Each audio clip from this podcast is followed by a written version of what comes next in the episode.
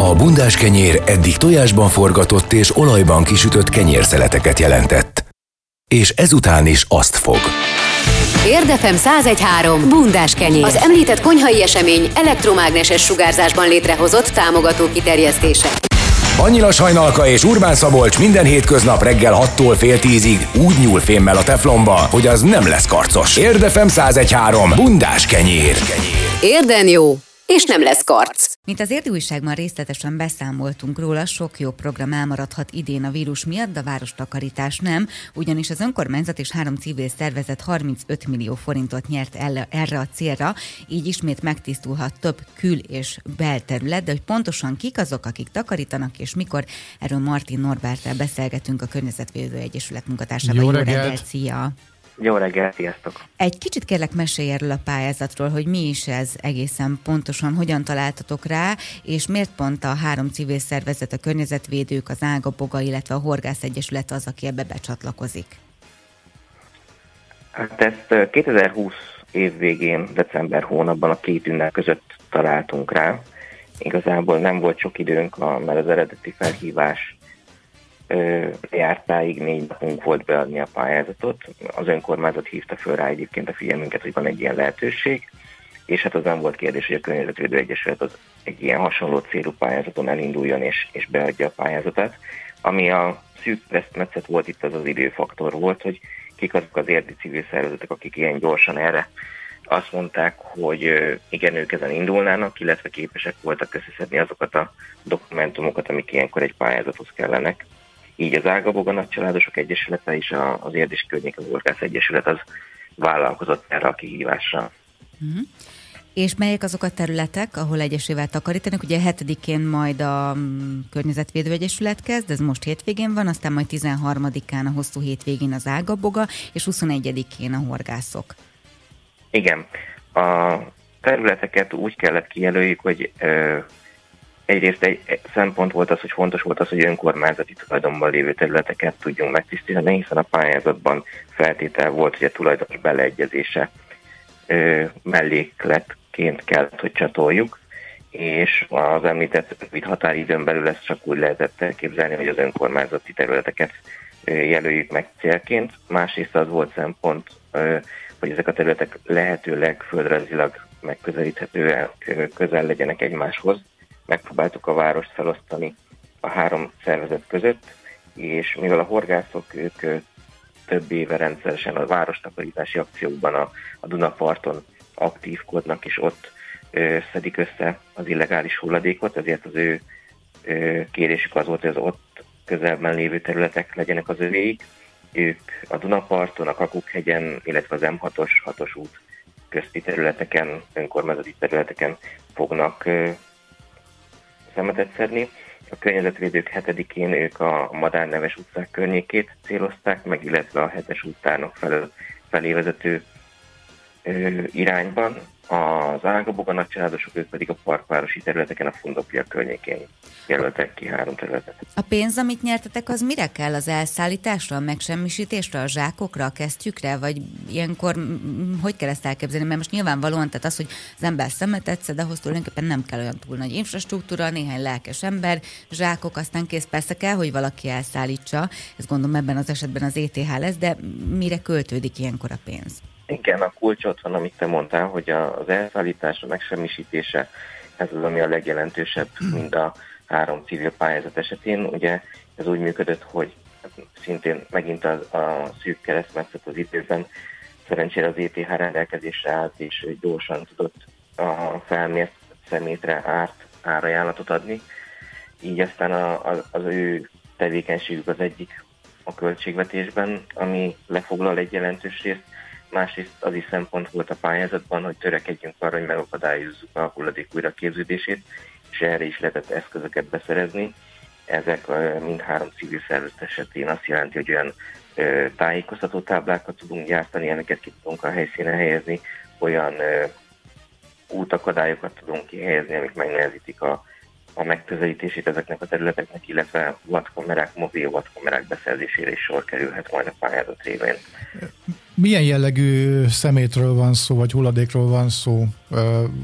Jellemző mondjuk, hogy mit tudom én, műanyag hulladék, vagy esetleg nem tudom én, hasadó urán, vagy mi, mi, mi jön szemben? Uránium még nem volt, de a, a területek ilyen szempontból is eltérőek. A Fondoklia környékén ugye jellemző az építési jellegű hulladék, a sit, az épülőházak, vélhetőleg építői azok közeli helyeket keresnek az elhagyására ezeknek. Ezért ott jellemző a, a, a bontott téglától a betonelemekig a, a palatáblán át, de a bontott autóelemek is ott vannak például. A, az ófalusi területeken ott jellemzők a háztartási jellegű szemét, ugye a Dunaparton ott a, a Duna hordalékával is keletkezik ilyen, de a Kakukhegyre oda például emberi erővel hordják föl valamiért a háztartási hulladékot, vagy jellemző a háztartási hulladékot, és a, a madárneves utcákban és a környezetvédőknél is inkább, inkább ez dominál a háztartási jellegű szemét. Ebből a pénzből egyébként jut arra is, korábban volt róla szó, hogy vadkamerák is kihelyezésre kerülnek? Igen, így van, így van. Ahogy uh, említettem, mind a három pályázatban beszerezünk. És mind a három helyszínre? Igen, igen, igen, így van, így van, így van, és akkor ezek ugye az az előnyök, később mozgathatóak. A pályázat azt írja elő, hogy idei év első fél évében mindenképpen ezeken a területeken kell tartani minden eszközt, ami, amit beszereztünk, de a későbbiek során terveink között szerepel, hogy ezeket áthelyezzük olyan helyekre is, amennyiben itt megoldódik ez az újrakeletkezési probléma, amik, amik még aktuálisan problémát jelentenek, illetve hát hosszú távú terv megvizsgálni azt, hogy az önkormányzatok a kamerarendszerébe ezek beilleszthetőek-e, vagy tudjuk ezt az önkormányzatok közösen üzemeltetni majd. Nem tudom, mennyire van rálátásod, engem az megdöbbent, hogy, hogy építési hulladék. Én azt hittem, hogy ez a 80-as években véget ért, vagy a 90-es években ez az egész ilyen illegális hulladéklerakás, de úgy látszik, hogy nem, sőt, hát lehet látni itt-ott ott ilyen mindenféle lefülelős videókat, hogy az hogy, hogy hogy van az, hogy ezt így le tudják odarakni? Gondolok itt arra, hogy azért egy, egy három köbméteres konténert kipakolni mondjuk egy erdőszélére, az egyrészt nem zajmentes, meg nem egy feltűnésmentes tevékenység.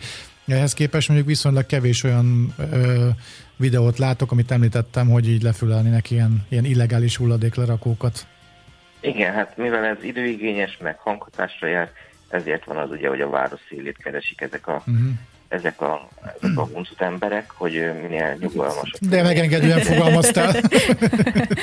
Igen, kora reggel még ilyen megengedő vagyok. Tehát nem véletlen oda azt a helyszínt választják, amit, és azért törekednek ilyen eldugottabb helyekre, mert nyilván ez neki kis időigényes. És még azt sem mondanám, hogy ezt a, a vállalkozók tudtával, hogy vagy az építést vezetők tudtával végül ezt a tevékenységet, hiszen az a jellemző, hogy erre önkéntesen vállalkoznak valakik, és akkor valahogy eltüntetik ezt a helyet, hogy egy hulladéklerakóba raknák le, ebbe is spórolnak maguknak pár tízezer forintot. Szerinted mennyire fontos egyébként a civileknek a munkája, vagy a civilek segítsége? Ugye a Szabi veszőparipája, már várom a kérdést, és majd elmondja, de már látom, hogy már így stuffolja magát, szóval, hogy, hogy ez adott esetben nem az ETH dolga lenne, vagy kinek a dolga lenne ez? Mert hogy, mert hogy na, szóval, hogy most ti mentek ki, nyertek pályázaton, és akkor tiszteditek össze a szemetet, hogy erre nincs már kapacitás, segíts kérlek rálátást nyerni, hogy ilyenkor nincs már kapacitás mondjuk egy szolgáltatónak arra, hogy az én eldugott területeken is szemetet szedjen, vagy összeszedje adott esetben a szemetet? Hát egy ideális világban. Nagyon szép. Ugye? Na jó, de... Bocs, bocsáss meg... nehéz mindig el, el, elválasztani a, civil szerepköröket, hiszen a civil szervezetek jellemzően arra jönnek létre általában, hogy valami olyan hiányt pótoljanak, amit a, a társadalomból, vagy a, a mindenkori mm, e, politikai vezetéstől nem tudnak megkapni, vagy nem kapnak meg a, a, a, azok az egy emberek, akik ott összegyűlnek abban az, a szervezetben, és valamilyen célral hozzák azt létre. Mondjuk nyilván vannak nagyon általános célok is, környezetvédelem, az tud lenni az is, hogy odafigyelünk a saját háztartásunkra, de azért az a jellemző, hogy a környezetvédőknél is az, hogy, hogy más helyet is kell takarítanunk, másért is oda kell figyelnünk, törekednünk arra, hogy szemléletet formáljunk közben, mert elsősorban mi is abban látjuk azért a megoldást, hogy nem feltétlenül az a jó, hogyha mindig csak takarítunk mások után, hanem megpróbáljuk rávezetni az embereket arra is, hogy mennyivel előnyösebb az a viselkedés mód, amit mi folytatunk. Hát igen, mondjuk ez, ez, ez lenne a, az alapfelállás, tehát szerintem egy ideális világban, amit te mondtál, hogy az lenne az oké, okay, hogy nektek azzal kéne foglalkozni, hogy szemléletformálás meg ilyenek, vagy arra, hogy rárugjátok az ajtót arra a hivatalra, akinek ez a dolga lenne. A, hogy ö, tisztánlás, nem tudom, hallgattad-e a kis kirohanásomat ezzel kapcsolatban, mondja nekem az a problémám általában ezzel, és minden tiszteltem a civileké, nehogy félreértsd. Nagyon nagy szükség van egy társadalomban a civil tevékenységre. Egyik az, hogyha van egy vállalás a központi szerv részéről, hogy igen, ebbe az utcába ültetek 10 fát, oké, okay, és azt mondják a civilek, hogy tök jó, ez a vállalás, köszönjük a 10 fát, de nekünk 15 fára van szükségünk, akkor az 5 fát a civilek összehozzák így úgy amúgy. Mert ugye nekik 15 fára lenne szükségük. A másik az, hogy, hogy érted, nekem az, a, az az irány ö, fura, hogy előbb-utóbb, amikor majd esetleg véletlen úgy alakul, persze nyilvánvaló erre semmi esély nincsen, hogy összeomlik az egészségügyi rendszer, akkor mondjuk a civilek fogják megműteni Marika nénit pályázati pénzből. Érted, amit mondok? Tehát, hogy, hogy fel, van, egy, van egy vállalása adóforintokból a rendszernek, és ehhez képest mit csinál a rendszer? Oda tolja a civileknek, hogy na, a, szedjétek ti a szemetet, itt van egy kis zsé, aztán csináljátok. Érted? Szóval, hogy hogy már-már egy a, a, a rendszer részéről hülyének nézik a civileket. De nem, mondom, nem, nem azt akarom ezzel mondani, hogy hülyék vagytok, csak hogy, hogy nekem azért ez így fura. Uh-huh. Hát speciál ez a felhívás egyébként olyan szempontból ö, ideálisabb volt ahhoz képest, mint amit vázoltál, hogy itt erre lehetőség volt önkormányzat részéről is pályázni, és hogy az elején mondtátok is, itt összesen 35 milliót nyertünk, abból 20 milliót az önkormányzat nyerte és ott úgy tudom, hogy az ETH már, nagy, már nagyjából a vége felé jár annak a munkának, amit ezzel elkezdett, és volt lehetőség egyébként, nem tudom, hogy a kiírónak ez mennyire volt tudatos szándéka, hogy kiegészítésként a civilek számára lehetett 5 milliót pályázni, tehát a önkormányzatoknak 20 milliót engedett, a civileknek 5 milliót. Ebben benne lehet az a logika is, amit te mondasz, hogy akkor az önkormányzat szedje meg a, a területein 20 millióért, és ami még kimarad, abból kipótolják a civilek. Hmm, lehet, hogy ez jó, hát hogy az önkormányzat benne van a buliban, akkor nyilván ő egy szerv, aki, akinek ez dolga, és hogyha így jut pénzhez, akkor így jut pénzhez. Nyilván én nem az önkormányzatról beszéltem, hanem a civilekről. Mondom, le a kalappal a munkátok előtt, nehogy félreértsd. És Norbi, még van egy nagyon fontos kérdés, hogy arra van-e lehetőség, hogy egyéb civilek csatlakozzanak hozzátok, tehát olyanok, akik mondjuk nem tartoznak egyik egyesülethez sem, de mondjuk szeretnének segíteni ebben a várostakarításban, hogyha igen, akkor ők hogyan és milyen módon kinél jelentkezhetnek? Én azt javaslom, hogyha van ilyen, aki készítést érez erre, akkor keresem a, köny- a Környezetvédő Egyesületet, az Ágaboga Nagycsaládosok Egyesületét, vagy a Horgász Egyesületet, attól függ, hogy melyik terület a szimpatikus neki, vagy melyik egyesület szervezet. Biztos, hogy lesz rá lehetőség, hogy csatlakozzanak. Nagy hírverést, toborzást ezekre az akciókra korábbi évekkel ellentétben most nem tartunk, tehát mint a korábbi városi akciók, vagy a tisztítsuk, vagy az ilyen tisztítós akcióknál a toborzása most elmarad a vírus helyzetre való tekintettel, így is figyelnünk kell majd arra, hogy a helyszíneken megfelelő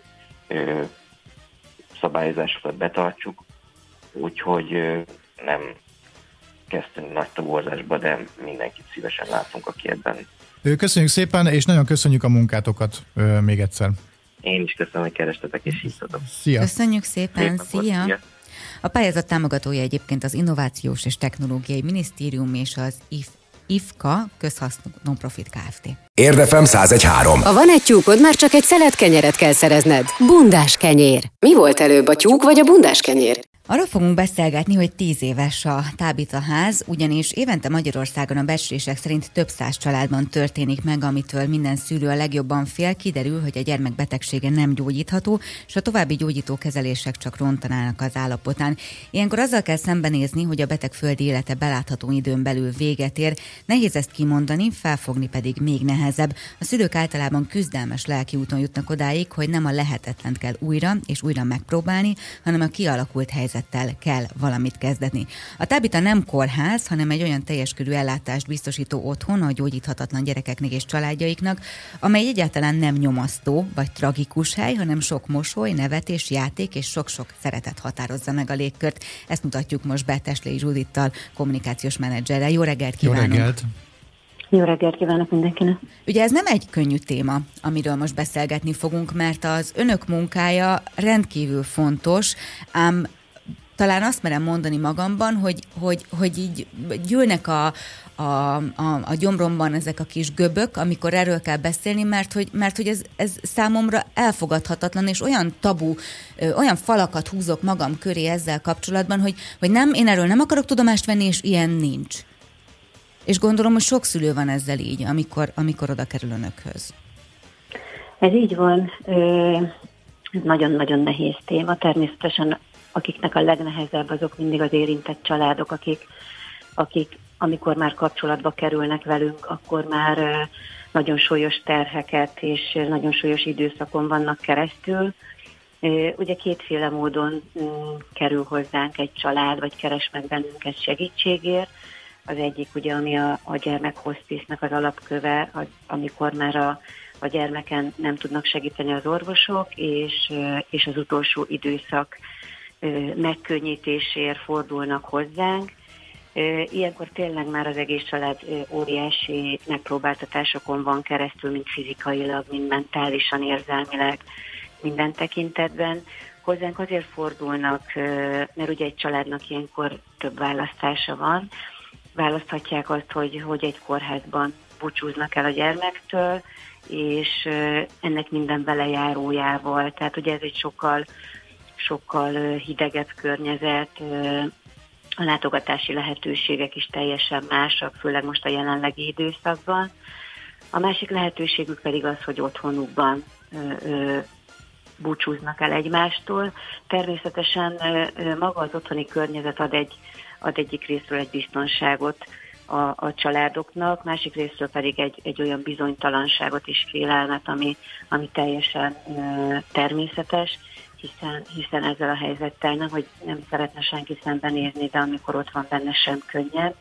Ebben az esetben fordulnak hozzánk, mi biztosítunk számukra egy olyan, olyan intim környezetet, egy olyan elszigetelt apartmant, ahol az egész család be tud ilyen esetben költözni, és, és a teljes stábunk, egészségügyi stábunk azon dolgozik, hogy, hogy ezt a búcsút megkönnyítsük számukra, és fájdalommentesen történhessen ez, a, ez az egész, és, és a búcsúzás ez egy olyan, olyan meghitt környezetben történjen, ami, ami máshol nem lehetséges.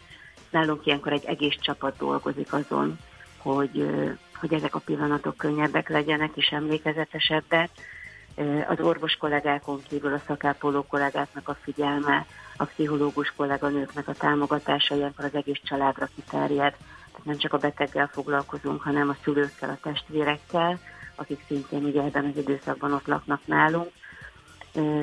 Mi ilyenkor a teljes gondozásokat magunkra vállaljuk, a, a, a étkezéstől, a, a mosástól kezdve mindent, de természetesen olyan mértékben, ahogy ők azt igénylik, hogy ezt az intimitást, ezt az intim környezetet, amit mondjuk az otthonukban megkapnának, azt igyekszünk itt is biztosítani számukra. Én valahogy úgy képzelem ezt a dolgot, és simán lehet, hogy nem így van, hogy azért nem lengi be az ott létet a, hát a valaminek a vége érzése.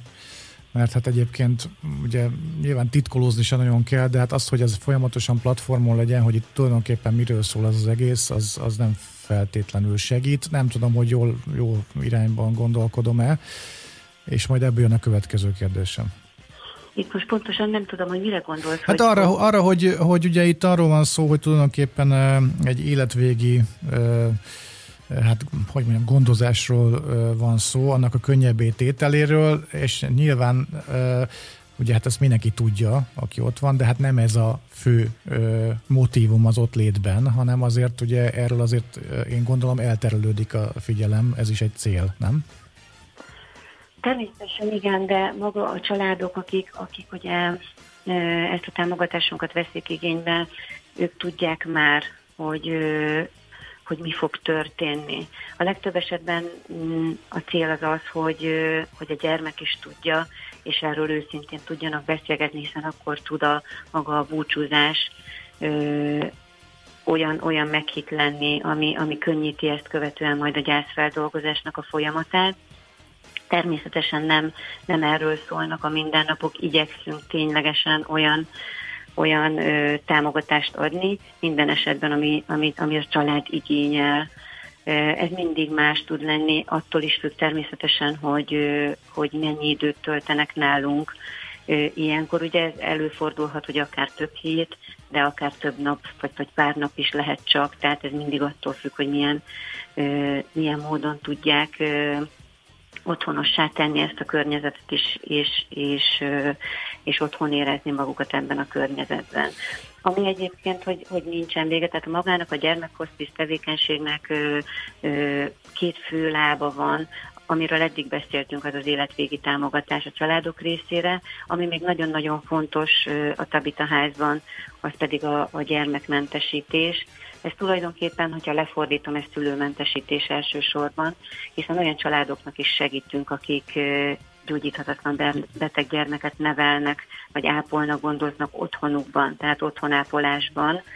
Ezek a gyermekek 24 órás gondozást igényelnek a mindennapokban, és, és a betegségük bár életet rövidítő, de akár több évig is elhúzódhat, hosszú évekig. Ilyen esetben ugye az egyik szülőnek mindenféleképpen otthon kell maradni, ápolni a gyermeket, és mi ebben is segítünk a családoknak Magyarországon, hogy mentesítjük a szülőket egy évben 28 napra, akik a gondozásunk alatt állnak. Ez természetesen egyeztetett időpontokban történik, és ebben az esetben nem a teljes család költözik be a házba, hanem csak a gyermeknek a gondozását vállaljuk át, és ilyenkor ebben az időszakban tudnak a szülők pihenni, akár nyaralni, a testvérrel foglalkozni, nekik ez a szabadságuk, nincsen más lehetőségük rá. Tudom, hogy ez nehéz kérdés, de mégis megteszem, hogy az elmúlt tíz évből mi az, amire a legbüszkébbek? Ha lehet ilyet mondani. Hát nem tudom, hogy erre a kérdésre tényleg lehet-e, lehet-e jól válaszolni.